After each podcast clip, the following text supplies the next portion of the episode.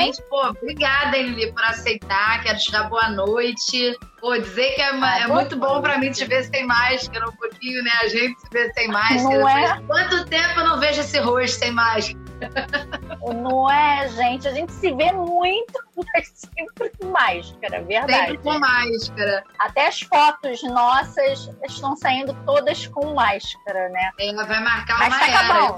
Eu, eu que sou historiadora, já sei que, pô, vamos ter muitas fontes históricas com todo mundo com máscara, mas isso é importante, Muito. né, pra gente poder sair dessa logo, porque Sim. ninguém aguenta mais. Exatamente. E ainda não acabou, né? Vamos deixar isso claro, ainda não, não acabou. Tá... Mas está acabando. Para mim ainda está um pouco longe até. Tomei até a segunda dose e tal, mas a variante Delta aí está preocupante, né? Vamos ver. Todo mundo tomar os tá. seus cuidados pessoais, a sociedade toda se livra desse problemão que a gente está aí. Com certeza. Bom, vou aproveitar para apresentar um pouco é, a Lili e o próprio nosso próprio projeto, né? Então vou começar aí, pô, agradecendo de novo, Lili, por você ter aceitado o convite, até foi meio em cima da hora. Isso já está planejado há um ano e eu falei em cima da hora com Verdade. você. Então, assim, é uma coisa. É... Peço até desculpa pela, né, pela pela fugacidade Imagina. do negócio. Mas a Lili, para quem não sabe, é especialista. Eu acho difícil alguém não saber, mas é especialista de inclusão do intelectos. A Lili, ela é psicopedagoga de pedagoga de formação, né? Mas é psicopedagoga clínica.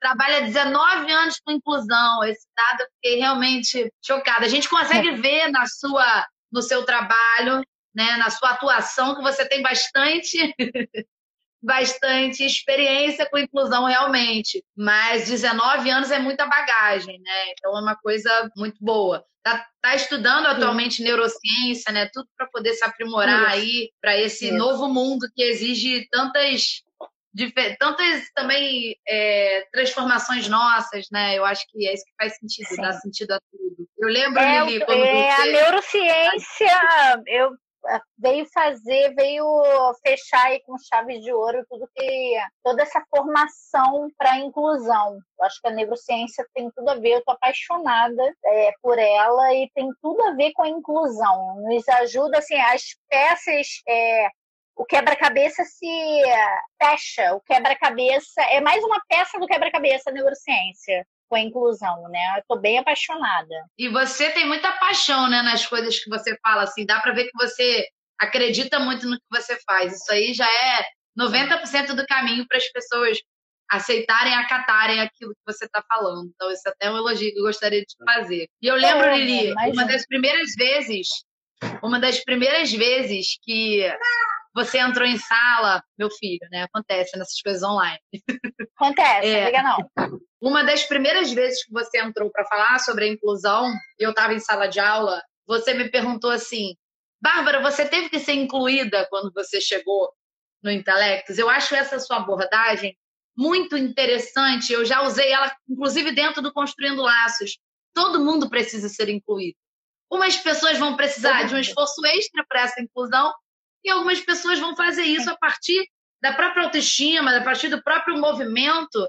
E algumas pessoas precisam de um conjunto para que isso aconteça. Então, eu acho que inclusão e construindo laços estão realmente de mãos dadas aí. A gente que tem. Com certeza. Hoje vamos falar sobre isso, né? Mas é, a gente está de mãos dadas, porque construindo laços também tem essa função de incluir. E aí, não só da neurotipia, né? Porque todo mundo precisa ser incluído.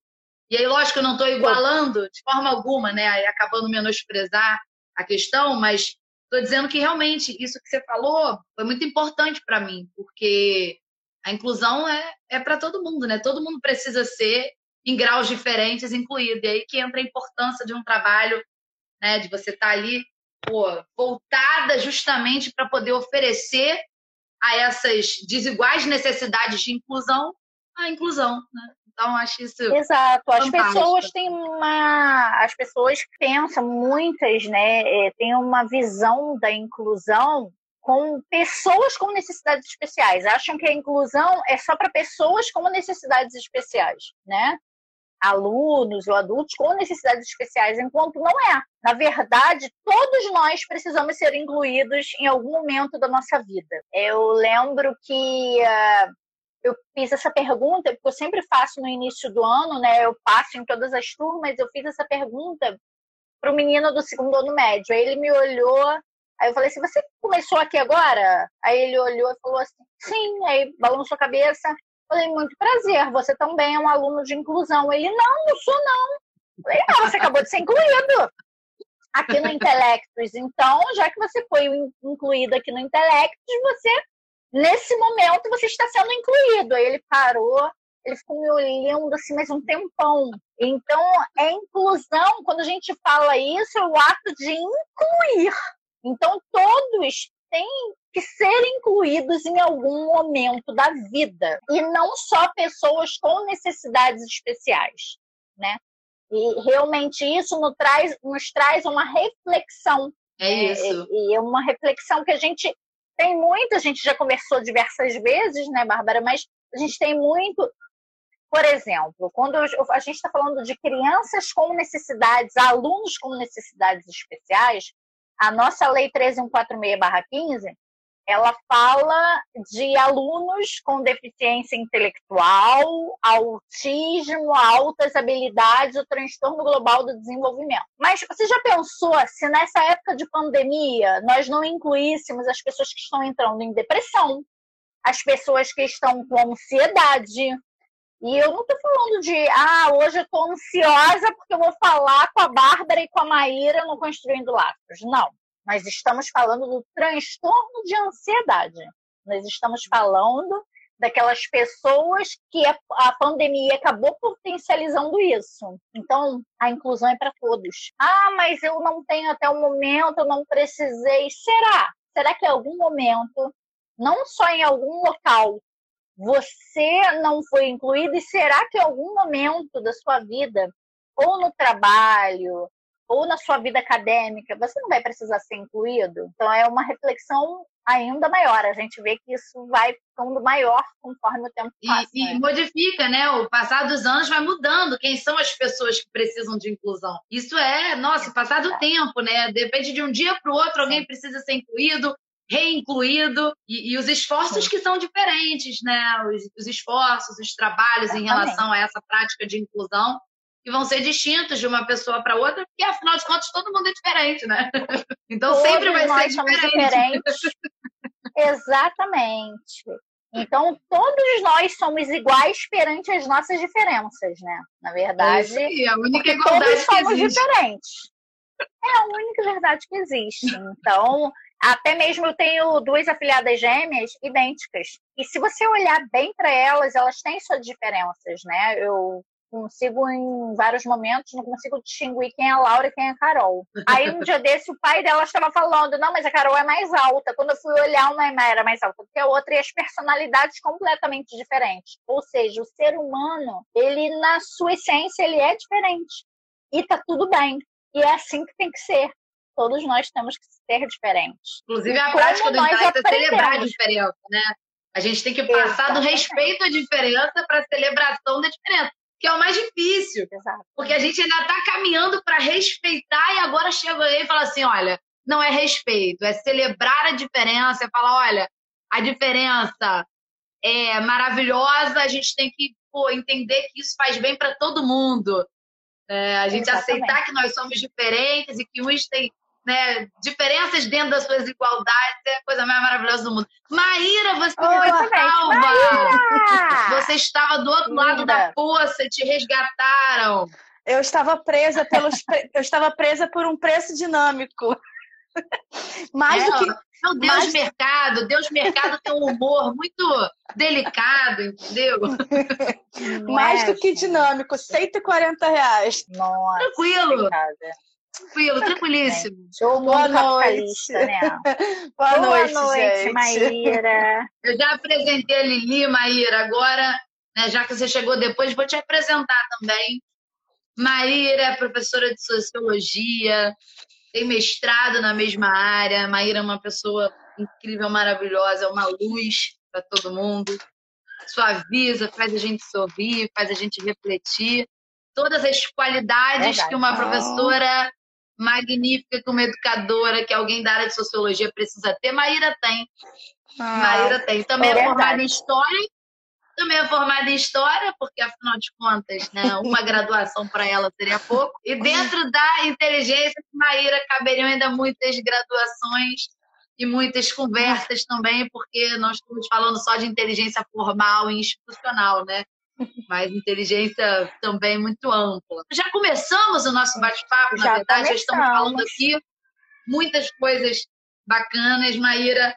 E, e eu vou direcionar agora a primeira pergunta mais efetiva para a Lili, porque a gente veio aqui, o Construindo- a Lili também tem uma vez por mês aqui o Papo de Inclusão, que ela vai falar um pouco sobre é, esse fato dela ser especialista de inclusão no Intelectos, os esforços que ela tem feito, as práticas que o Intelecto, juntamente aí, coordenado pela Lili, tem feito no sentido de tentar celebrar essas diferenças, né? Tentar fazer Sim. a inclusão uma realidade, a inclusão que já é lei há muito tempo, mas prática, a gente tem muita dificuldade em colocar isso em prática por N Sim. fatores.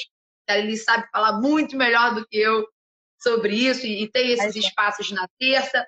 E aqui no Construindo Laços, que é esse projeto que surgiu aí no final de 2018, começou a ser implementado em 2019, a gente tenta realmente formar laços, a gente tenta olhar para o aluno, para a aluna com mais cuidado, tentar aproximar essas partes que às vezes ficam tão separadas, que é né, a instituição, a escola e os alunos, as alunas, tentar reforçar um olhar humano que faz parte da cultura do intelectos, mas que é muito difícil de praticar porque são partes muito díspares, são partes muito separadas, né? O professor, a instituição, é, os alunos. Então a gente tenta gerar um laço e tentar aproximar essas partes que estão tão separadas e que acabam se mostrando fragmentadas, apesar de ser, na verdade, é, todas deveriam ser incluídas no mesmo bloco, né, Lili? Porque fazem parte da Sim. mesma, da mesma ideia, do, do mesmo sonho, da mesma utopia que seja, né? Então,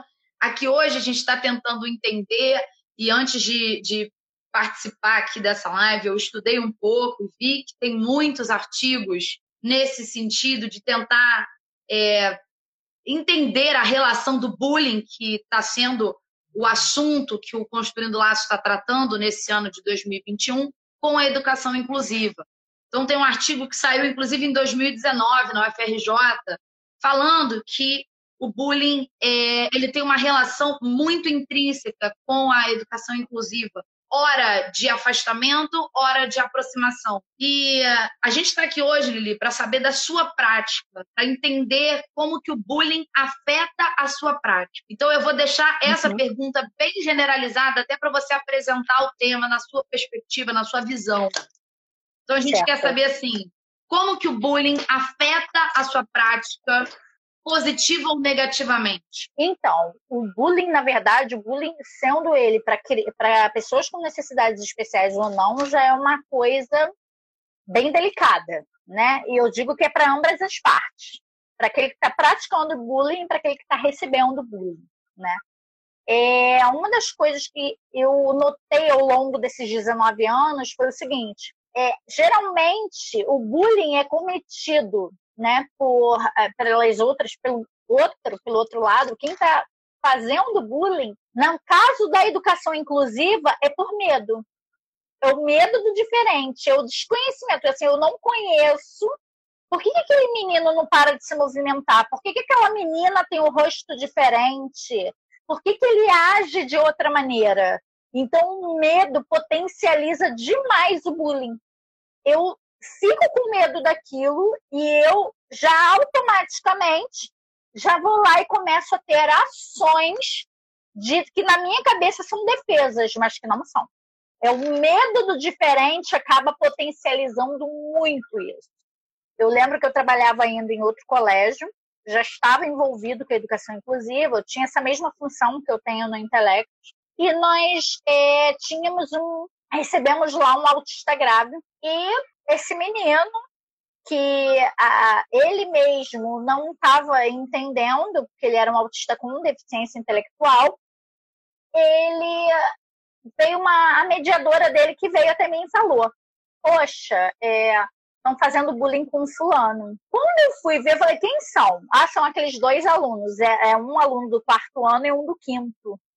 Um tinha 10 anos e outro tinha 11. Eu falei, vamos lá, vamos conversar comigo aqui. O que está acontecendo?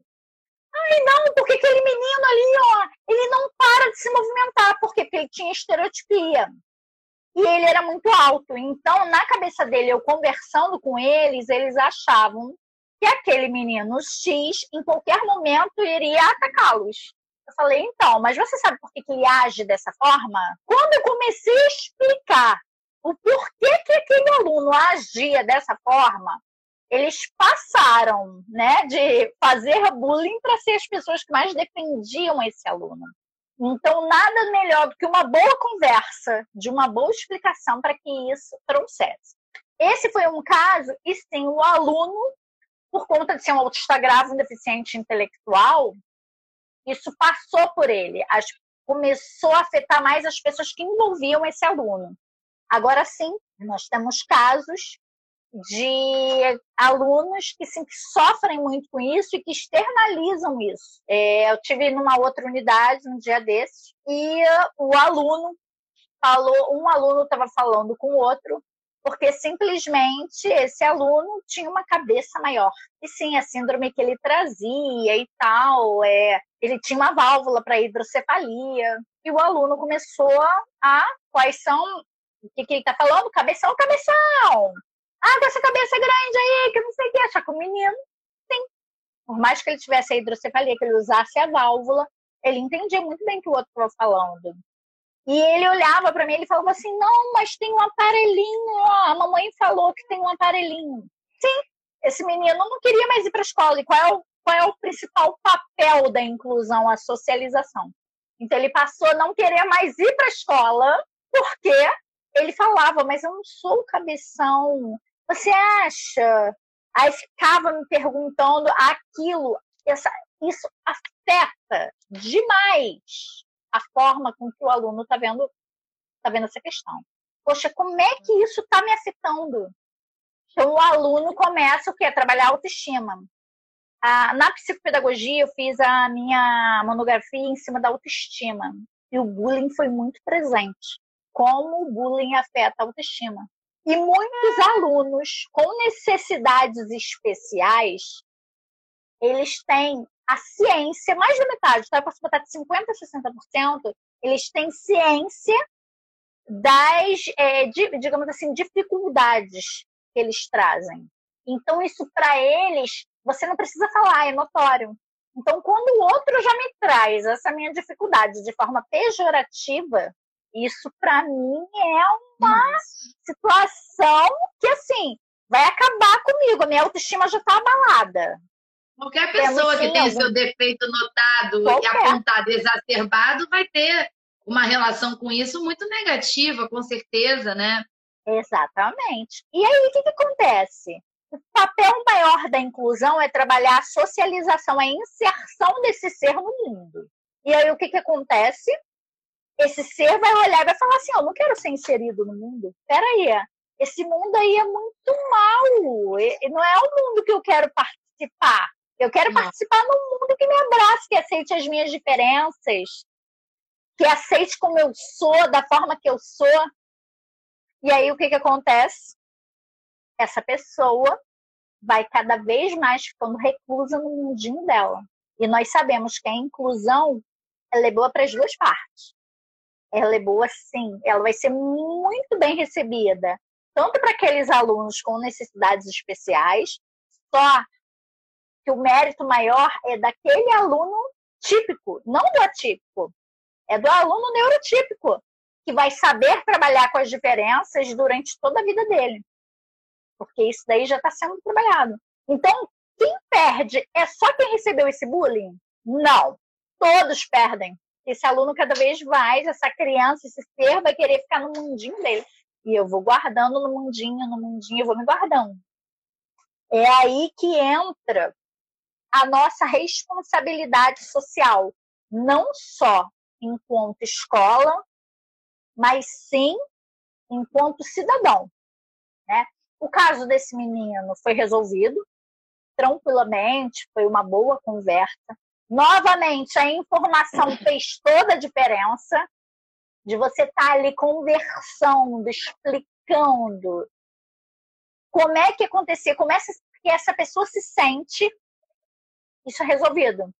Hoje em dia, pelo que eu fiquei sabendo, são, são até amigos. Então, uhum. isso foi resolvido. O que é muito importante, porque quando eu recebo um amigo, vamos lá, eu recebo um amigo com necessidades especiais, em que a aparência dele é diferente e eu não tenho maturidade para gerir isso, eu começo a ter medo. Por que, que ele é assim? Nós aqui somos adultos, nós temos maturidade de trabalhar as diferenças. Nós temos que entender que muitas crianças e muitos jovens não têm essa maturidade e têm medo do novo. Por isso é tão importante o trabalho de informação, né? Informação de uma forma geral. Eu já vi que vocês fizeram um trabalho, inclusive nas unidades, em que quando quantas vezes vocês chamam a pessoa e falam, você sabe como é que fulano está se sentindo? Eu não digo só dos alunos neuro, é, dos alunos atípicos, eu estou falando dos típicos, quando sofrem bullying.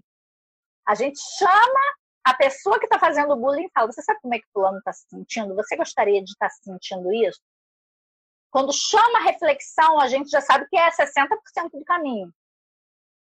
Poxa, eu estou de olho, eu estou te dando uma chance, eu estou te trazendo a reflexão.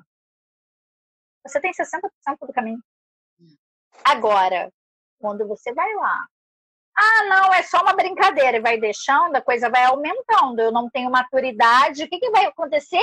Eu vou construindo a minha maturidade em cima de fatos errados.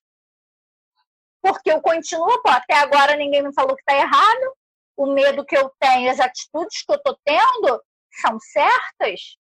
Ninguém conversou isso comigo. E aí começa a abalar todo um sistema.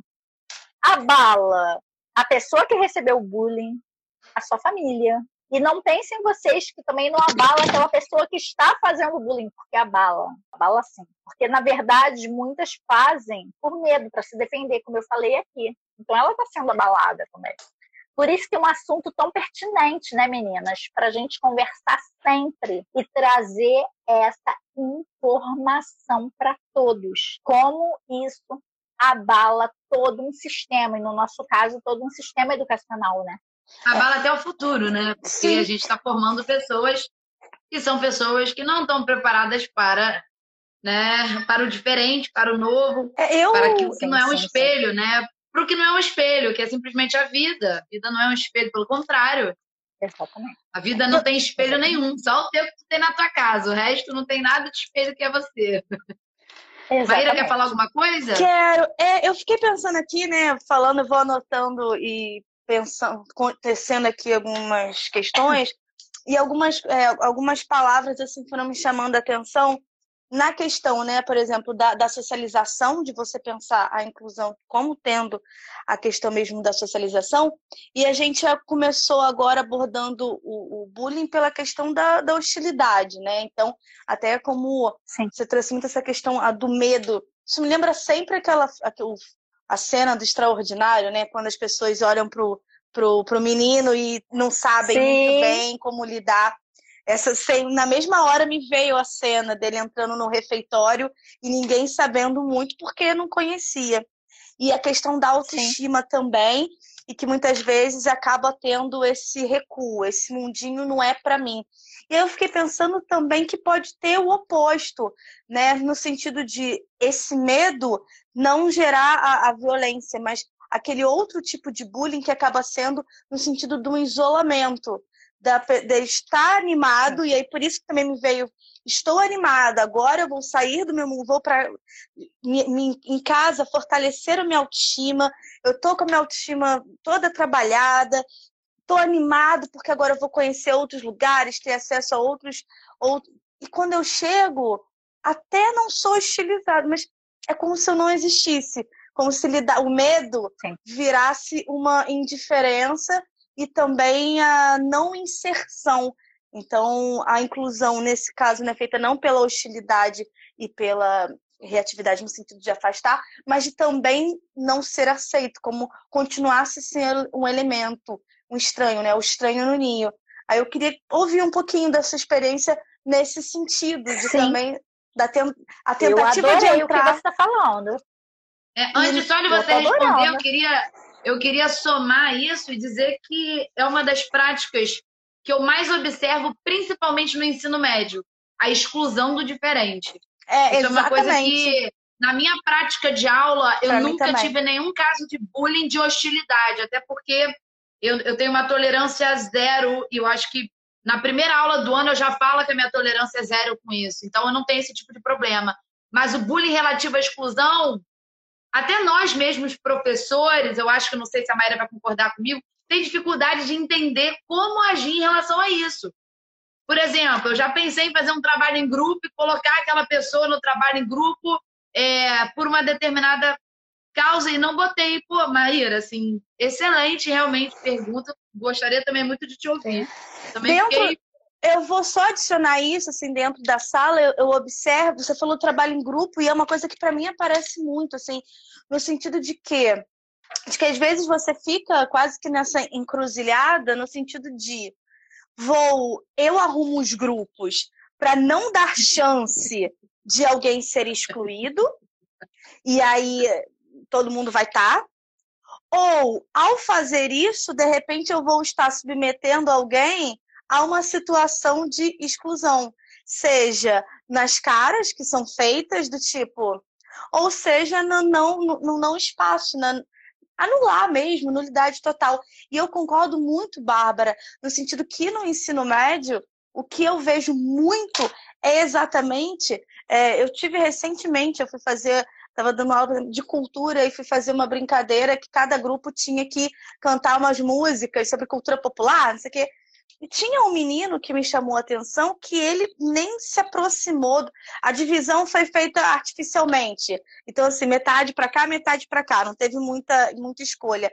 E às vezes eu via que ele queria participar, às vezes eu via ele meio que cantando, a, a, falando baixinho. Só que ninguém nem se dava o trabalho de ouvir para ver se, se alguém estava prestando atenção.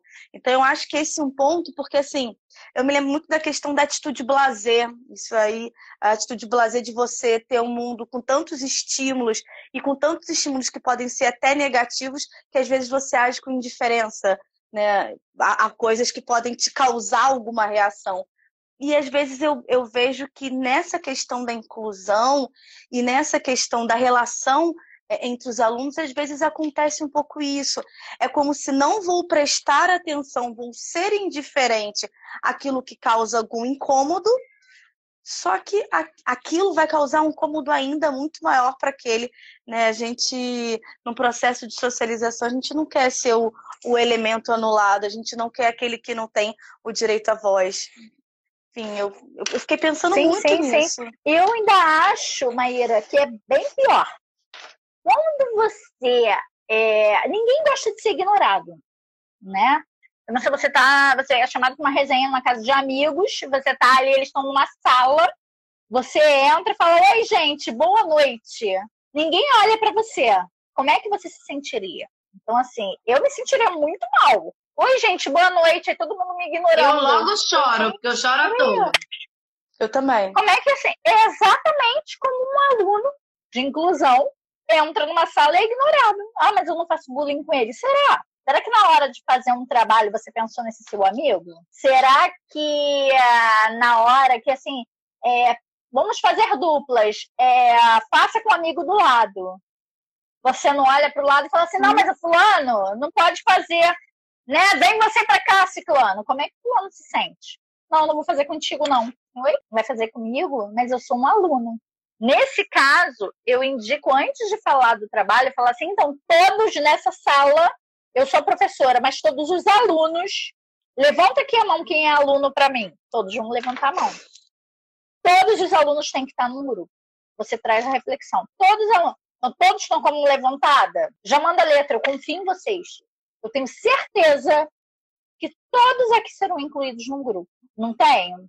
Vou fazer o seguinte: eu vou escrever algumas coisas aqui no quadro, eu vou dar cinco minutos para vocês se organizarem. passa a responsabilidade. Eu acho também que, em alguns momentos, a gente tem que passar a responsabilidade para essa galera. Eles têm que entender que eles são o futuro do mundo. Quando você já tem uma conversa, quando você já explica, e ele mesmo por medo, quantas vezes a gente já teve que tomar alguma atitude, gente, com medo? Várias vezes. Hoje eu estava almoçando, mandar até um beijo para ela. Hoje a Rosângela, nossa diretora da freguesia, faz aniversário. E eu estava ah, almoçando com ela. Mensagem. Gente... É, hoje é aniversário da nossa rua. E eu estava falando com ela, ela falou assim: ai, Lili, eu acho você tão segura quando você está falando. Eu falei: então, mas tem horas que eu também sinto medo. Quando você, todas as suas atitudes, você fala e faz com muita segurança. Mas quem disse para você que eu não tô com medo? Muitas vezes eu tô com medo. Mas isso já é trabalhado de antes, de você ter que tomar as atitudes e você falar assim: caramba, mas será que vai dar certo? Mas, gente, a gente só vai saber se a gente botar a mão na massa e encarar. Quantas atitudes, quantas vezes a gente perde coisas, perde oportunidades por achar que aquilo não vai dar certo. Ah, não vai dar certo, eu não vou nem tentar. Então é dessa a gente tem que partir desse princípio. Porque para mim o pior bullying, Maria, o, o Maíra, que existe é o bullying de você quando você ignora quem está do seu lado. Ele é diferente. Porque ele é mais é velado, até pra gente atuar, né? É mais velado até pra gente Exatamente. poder atuar, fazer alguma coisa. Não, não tá agredindo, Sim. mas olha que nível de agressão é essa de excluir, né? Ainda chegou, não, mas eu não fiz nada, não, eu não fiz nada. Mas aí que mora o problema, você é, não fez nada. Exatamente. Mas e, acredita que falar não fez nada é uma defesa, não. Na verdade, não fazer nada é, é exatamente o motivo da atuação, né? Exatamente. E cá, qual é a sua visão como cidadão do mundo? Eu gosto logo de partir para esse campo. Tá, mas você é um cidadão do mundo. E você tem a responsabilidade sobre o seu próximo. Qual é a sua relação com o próximo? Você vai muito na ferida, né? Aí você olha, não, mas eu tá? Então vamos lá. A gente está aqui cobrando os nossos direitos enquanto cidadão, direito a voto, a mulher foi para a rua e tem que ir mesmo, eu quero o meu espaço. Agora você cobrou o seu espaço. E qual é o espaço que você está proporcionando para o seu próximo? Vamos lá. Então você para e traz a reflexão. As pessoas têm que refletir. E principalmente o ensino médio, o ensino médio, gente, daqui a poucos anos são os cidadãos do mundo que estão tomando atitudes. O ensino médio já está votando. O ensino médio serão os nossos futuros estagiários que estarão nas faculdades daqui a dois, três anos no máximo. Estarão escolhendo suas profissões. Será o. Vamos lá, alguns escolhem fisioterapia, pedagogia, e não vamos lidar com a diferença. Lidar com a diferença em todo lugar é no seu prédio, é dentro da escola, é no supermercado. Eu já escutei no supermercado muito famoso, inclusive, que uh, ali mesmo da freguesia, eu estava entrando numa fila e eu já escolho pelo lado positivo. Eu escolho, se tiver uma pessoa com deficiência lá como impactadora, eu escolho essa pessoa. Tá ali. Mas sim, ah, Lili, poxa, você é especialista em educação inclusiva, você atrai essas coisas, você vai querer. Tudo bem, mas você chegar na fila e escutar de trás, ah, não, eu não vou ficar nessa fila, não, esse menino é muito lento, ah, não, essa pessoa.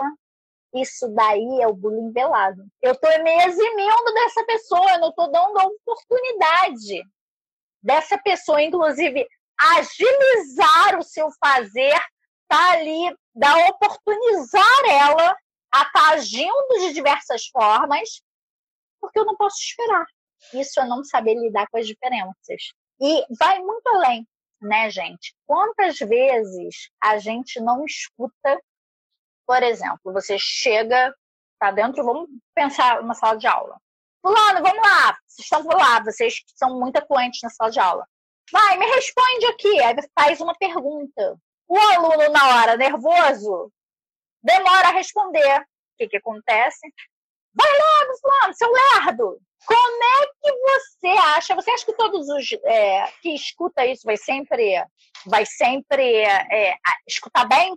Nós temos maturidade. Se um de nós aqui no governo para com isso, esse lerda, a gente vai rir e vai seguir. Agora, você imagina um aluno de inclusão escutando isso de outro, um aluno com necessidades especiais que tem a plena ciência de que eu demoro um pouco a responder. Escutei falar isso com meu amigo do lado, comigo, então o que, que eles vão falar? Como é que eles vão agir?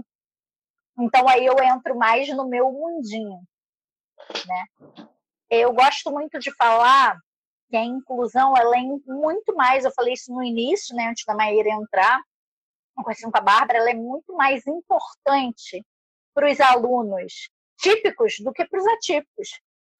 Porque eu aprendo a lidar com as diferenças no mundo. Porque, ah, mas o meu filho está só no Fundamental 2. Será que é só? Daqui a quantos anos o seu filho vai estar no mercado de trabalho, vai estar numa faculdade, vai estar estagiando? Então tá, o seu filho está com Ele já vive em sociedade, né, Li? É. Ele já vive em sociedade. Já vive é, em sociedade.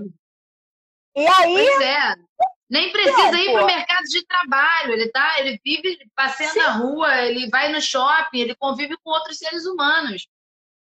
E onde Exatamente. tem seres humanos, e... tem, tem marca da diferença. Com certeza.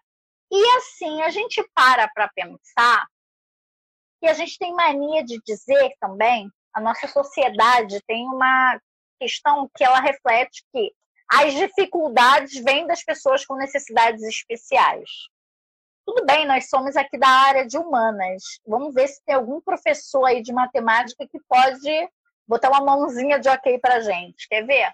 Aí você fala assim: não, mas um aluno com deficiência intelectual ele tem dificuldade com exatas. Gente, já o estudo já foi comprovado, 70% dos alunos têm dificuldade com exatas. E aí? Eu lembro, eu vou falar o nome dela aqui, e porque eu acho ela maravilhosa, a Lucy, né, lá, professora de matemática do Intel. Eu lembro que ela fez uma atividade adaptada para um aluno autista e para uma aluna nossa que tem dificuldade de aprendizado. Cada um era de uma turma. E como ela estava dando ali a matéria para o sétimo ano, ela pegou aquele material, cada um era de uma turma, ela pegou o material e passou para a turma. Antes que na hora que ela passou para a turma, você vê no olhar, né? Eles olhando, ela explicando a matéria. Quando ela passou os slides com a matéria adaptada, muitos olharam para ela, chegaram e falaram assim: Ah, a dificuldade era de quem? Era só dos alunos com necessidades especiais? A gente tem muita mania de dizer que só eles têm. Não tem é, é olhar o mundo fora da caixa. A gente tem que parar de olhar o mundo dentro de uma caixinha. O mundo não é isso aqui, o mundo é muito maior. Quando eu começo a conviver com um amigo meu de escola, e eu já vou vir convivendo desde pequeno com as diferenças, eu lido muito melhor com, com receber um não, eu lido muito melhor com as diferenças, com as adversidades da vida. Poxa, hoje eu tinha que ir para o parque, meu pai falou que não, não deu. Poxa, eu, tenho, eu entendo que existem coisas que podem abalar o andamento, porque o que acontece? O meu amigo não aprende da mesma forma? Será que tudo na minha vida vai ser daquela mesma maneira? Não. Isso tudo acontece, essas diferenças acontecem, os problemas acontecem. Eu começo a enxergar o mundo de outra maneira. Lili, Isso abala de uma forma muito positiva, né? Ai, desculpa, eu fui falando, eu acabei interrompendo. Não, amor. É que não, eu, quando você falou, eu pensei primeiro na questão da. Agora já me veio uma outra questão, assim, que estava dentro da sua fala, né? E, e aí eu me vi uma outra forma que a gente pode pensar também trazendo para o assunto que a gente pode tratar como, como o bullying, e que eu tenho visto muito assim. É, sendo falado muito, eu não sabia muito bem. Eu recentemente parei para entender um pouquinho mais, que é sobre, o, sobre a questão do capacitismo. E quando você fala, por exemplo, que não, eu não posso fazer trabalho em dupla com ele, não, porque ele não pode. Isso me lembrou. Tem uma, um vídeo, eu não sei se vocês conhecem, que estava tava é Pequena Lô, é, uma, no TikTok, né? E um, um dos vídeos. Ah, mas ela, é fantástica. Né? Isso, então, ela um é. dos vídeos falava sobre que ela era psicóloga, estava de jalequinho para poder atender e que o tempo inteiro ela, ela era desacreditada E, e, trazendo para essa lógica, né, de que você tem uma sociedade que tem um padrão do que é o corpo, não, não tô nem, o, o corpo saudável, o corpo normal, e é o corpo que pode realizar qualquer desvio do que seria esse padrão do corpo saudável, do corpo normal, é visto como incapaz, como ou como menos capaz, ou ainda qualquer realização é como se fosse um super caso de superação. E como que muitas vezes isso tem o, o que a gente pode entender também como uma questão de dizer que não é capaz, de que não pode, e que na verdade não é assim. E aí isso acaba também gerando esse sentimento de novo nesse processo que a gente está falando de dentro, fora, inclusão, exclusão, se eu estou sendo aceito ou se eu prefiro ficar no meu mundinho, porque não acham que eu sou capaz. E como que isso também pode dificultar muito o processo, né? Esse entendimento de que, ah, não, não, não posso fazer trabalho em grupo porque é quando como se você não, não pudesse fazer parte. Até o que você falou, não, todo mundo é aluno. Sim, mas será que também às vezes não entra, não acontece muito nesse processo isso?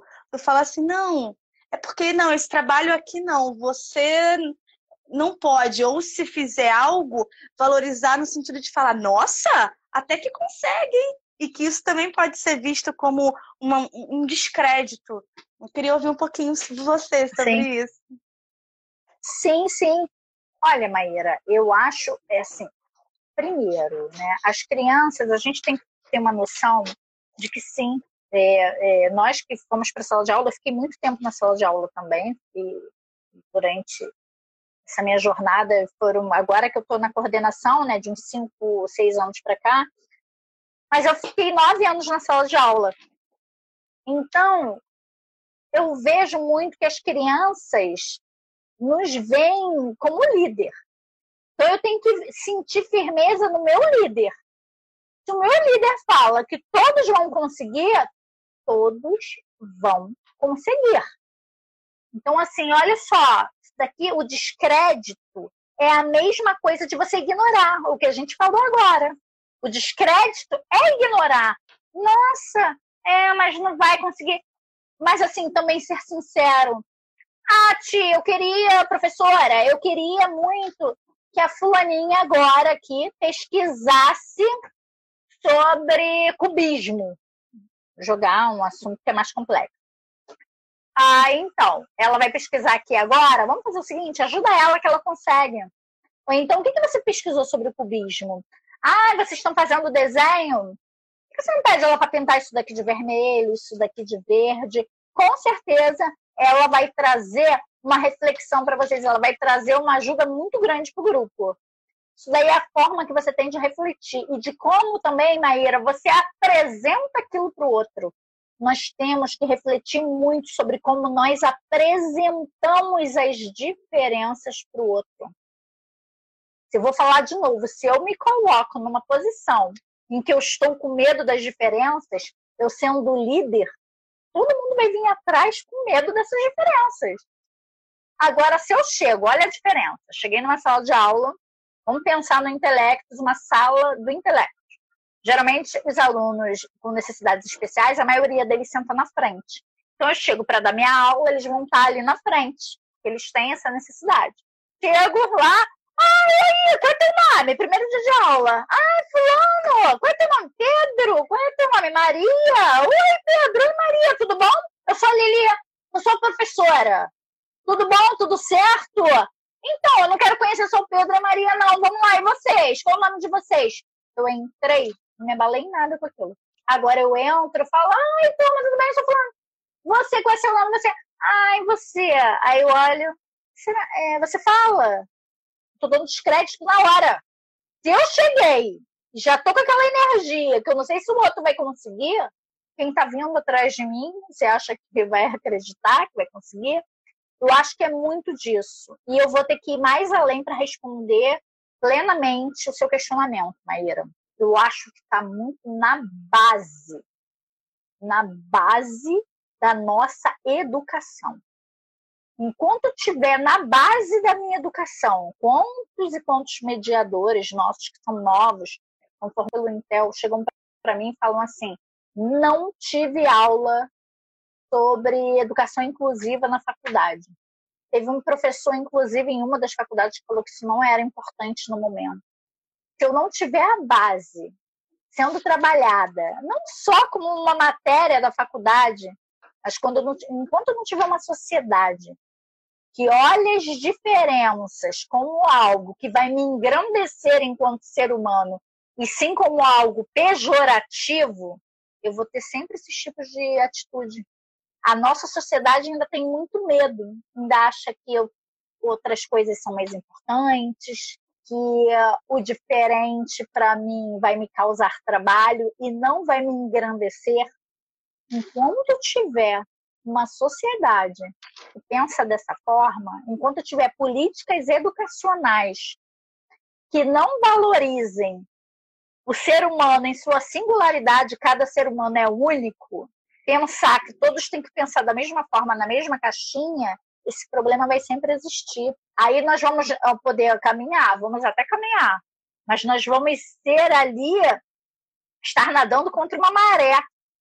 E aí você chega, você recebe os seus alunos e você tem que quebrar todos os paradigmas, você tem que quebrar essas barreiras do medo, quebrar muitas barreiras para que com o tempo, e isso acontece de forma muito plena com o tempo, mas quanta energia é gasta? Quanta energia que já deveria ter sido gasta lá atrás?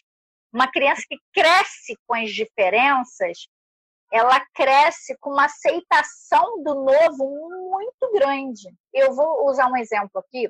É, eu sou voluntária em orfanato de crianças especiais, né? E há muitos anos já.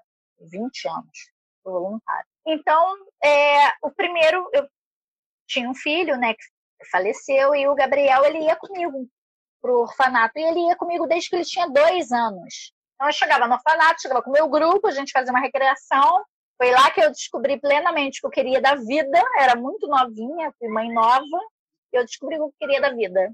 E quando eu cheguei lá, é, eu deixava o Gabriel, o Gabriel começou a crescer, como?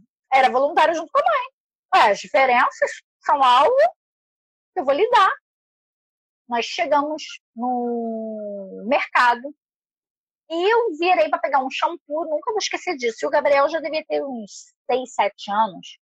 E tinha uma criança, visivelmente com microcefalia, né? Uma criança bem comprometida, e estava no bebê conforto.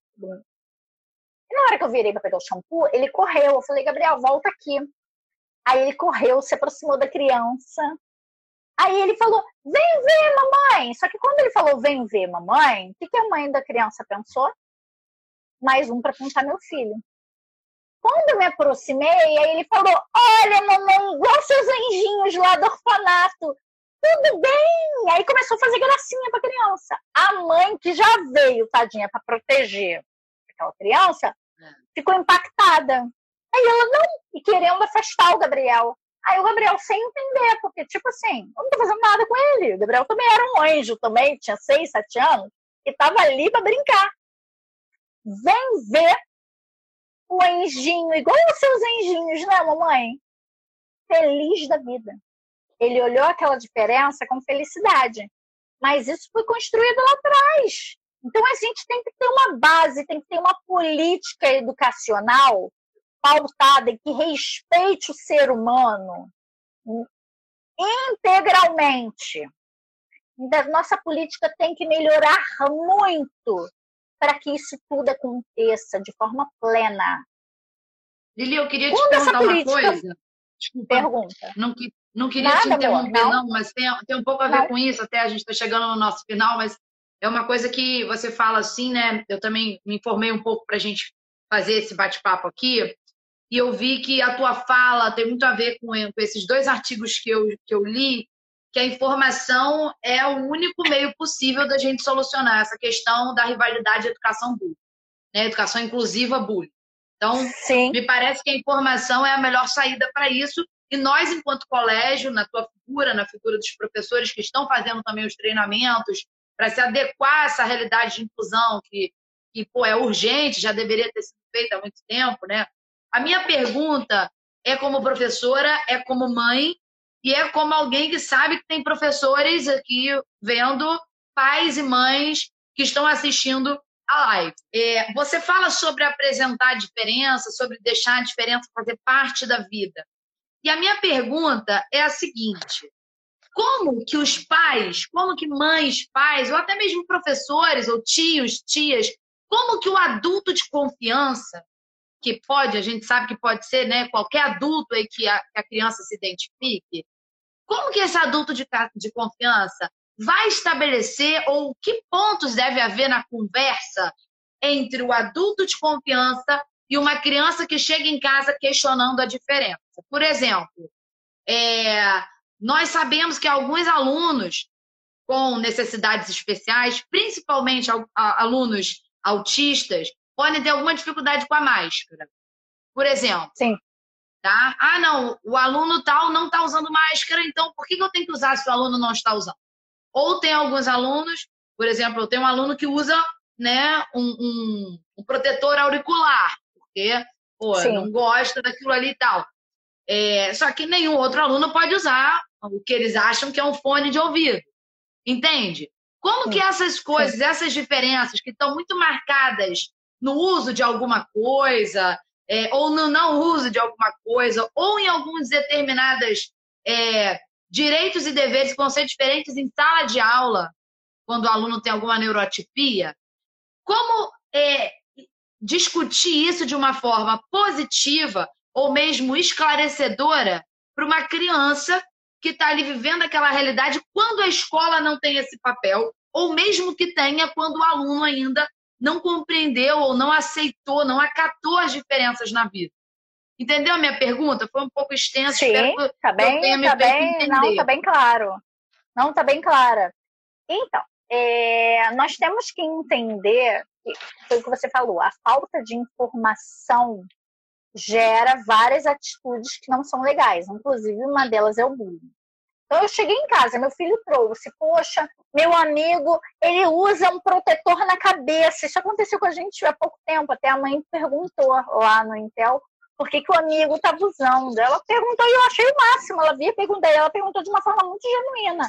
Então, eu indico aos pais que façam o que essa mãe fez. Procure saber.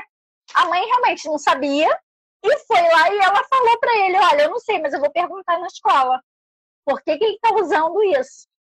Procure se informar e trate com naturalidade. Se o amigo está usando isso, é porque tem algum motivo. Vamos fazer o seguinte: vamos perguntar, vamos pesquisar juntos. Isso. Tratar com naturalidade. Então, ela foi até a escola, nós explicamos a ela por que, que o amigo estava usando aquele protetor, nós explicamos que ele era um autista e que isso era para abafar os sons e tal. Os autistas são muito sensíveis na questão sonora, porque eles têm uma, essa questão da sensibilidade, dos cinco sentidos. Então, explicamos a situação. Então, chamamos a criança na hora, inclusive, explicamos a ela, explicamos à mãe. Olha, o amiguinho não consegue escutar. Isso também vai depender, gente, da faixa etária dessa criança. Verdade. Lógico, vai chegar para um adolescente e vai falar, amigão, ó, seu amigo ele tem sensibilidade no ouvido, né? Os sons para ele chegam chegam a machucar. Então ele precisa usar isso. Para ele é importante. Quer ver? Gente, quem não tem um fone aí em casa? Por uma casa eu tô perto de um. Pega um fone desse, que é um fone de música, e põe para criança escutar. Ó, eu vou falar, vê se como tá abafado. Não põe nenhum fio não ficou mais abafado, o som não veio mais. Então, tem pessoas que sentem dor na hora que elas escutam um som mais alto. Entendeu? A criança ainda ficou com dúvida. Põe um som bem alto em casa. Aí ela vai ficar, ah, então, olha, põe o um abafador agora. A criança vai botar o um abafador. Tá melhor? Sim. Então, é isso. Acontece isso com o seu amigo procurem trabalhar o máximo possível concreto, criança até adolescente. Quando você fala coisas muito abstratas e coisas longe do mundo deles, é muito mais difícil a compreensão. O legal é você trabalhar o concreto. Se eu trago isso, eles vão entender. Aí eu digo, vamos voltar para a máscara? Foi o que você me falou também. Ah, poxa, mas o amigo não consegue, por que, eu tenho que usar máscara? Porque ele não. Eu começo, eu vou lá e volto a explicar. Lembra que eu te falei que o autista, aí a gente vai falar. Ai, Lili, eu não sei falar sobre o autista. Gente, se tiver no Intel, pode me procurar. Agora eu não tenho, eu vou para a internet, eu vou procurar me pesquisar. O autismo é um tema muito falado. E lá eu vou descobrir que eles têm uma sensibilidade muito grande. Poxa, mas o Covid está aí, ele não consegue ficar de máscara muito tempo, ele tira a máscara. O que, que eu vou fazer? Vamos fazer o seguinte: você vai falar com esse seu amigo, mas você vai manter um pouco mais a distância. E lembrando que essas crianças, ainda mais por conta da sensibilidade delas, elas são muito, e isso é uma coisa que a gente tem que falar, elas são testadas é, periodicamente, justamente por elas não conseguirem usar essa máscara. Então, o que a gente tem que passar é o maior número de informações. A gente tem que parar, Bárbara e Maíra, de achar que ele é criança ele não entende. Criança entende muito mais do que a gente possa imaginar. O que a gente tem que parar é de falar assim: ah, mas ele não vai entender, não. Tem sim. Mais do que você imagina. É de chamar. Tudo é como é apresentado. É, realmente. Né? Você tem um amigo que tem dificuldade em matemática, tem um amigo que tem dificuldade de ciências, em português. Agora você tem um amigo que tem dificuldade de socializar.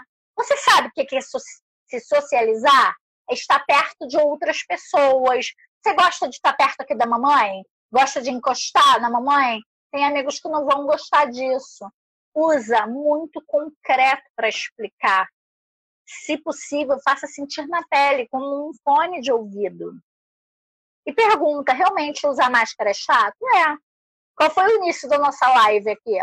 Poxa, Lili, tô vendo teu sorriso, que bom ver o seu sorriso. Poxa, é tão bom, né? Um dia desse a gente estava, foi para um evento do Intellect fora do Rio, e a gente foi tirar uma foto, todo mundo de máscara e não podia ficar coladinho, tinha que ficar com distanciamento. E eu lembro que o Gustavo falou assim: não precisa rir, tá com máscara. E mesmo que a gente não parava de rir, só que todo mundo de máscara. Usar máscara é legal? Não, é necessário. Também não taxar a criança e o jovem, tá? Dizer assim para ele, não é ótimo usar máscara. Mentira, não é, é necessário. Existe uma coisa entre dizer que ele não vai entender, taxar de bobo, porque ele sabe muito bem que não é legal. E ser sincero. Filho, não, eu te, eu te entendo. No seu lugar, eu também não gostaria de usar máscara. Aliás, eu não gosto, mas eu uso porque é necessário, porque a gente tem um vírus aí. Agora, o seu amigo não tem o grau de entendimento que você tem. O seu amigo não é que ele não quer, é porque ele não consegue usar. Consegui explicar plenamente? Conseguir acho responder que, Acho que ninguém tem dúvida mais sobre isso.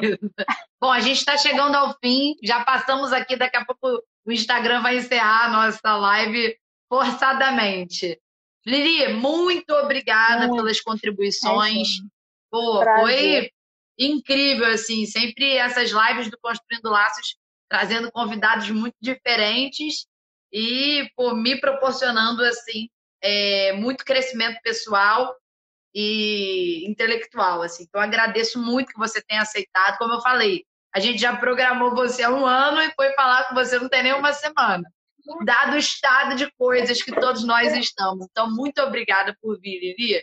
Maíra, sempre um prazer estar do seu lado, minha maravilhosa. Muito, muito obrigada. Eu sempre eu saio assim, depois a cabeça fervilhando. Eu, eu sinto que essa, nessas nossas trocas assim de uma hora, um hoje um pouquinho menos, né? Ainda bem que eu consegui chegar, senão eu ia perder muita coisa legal.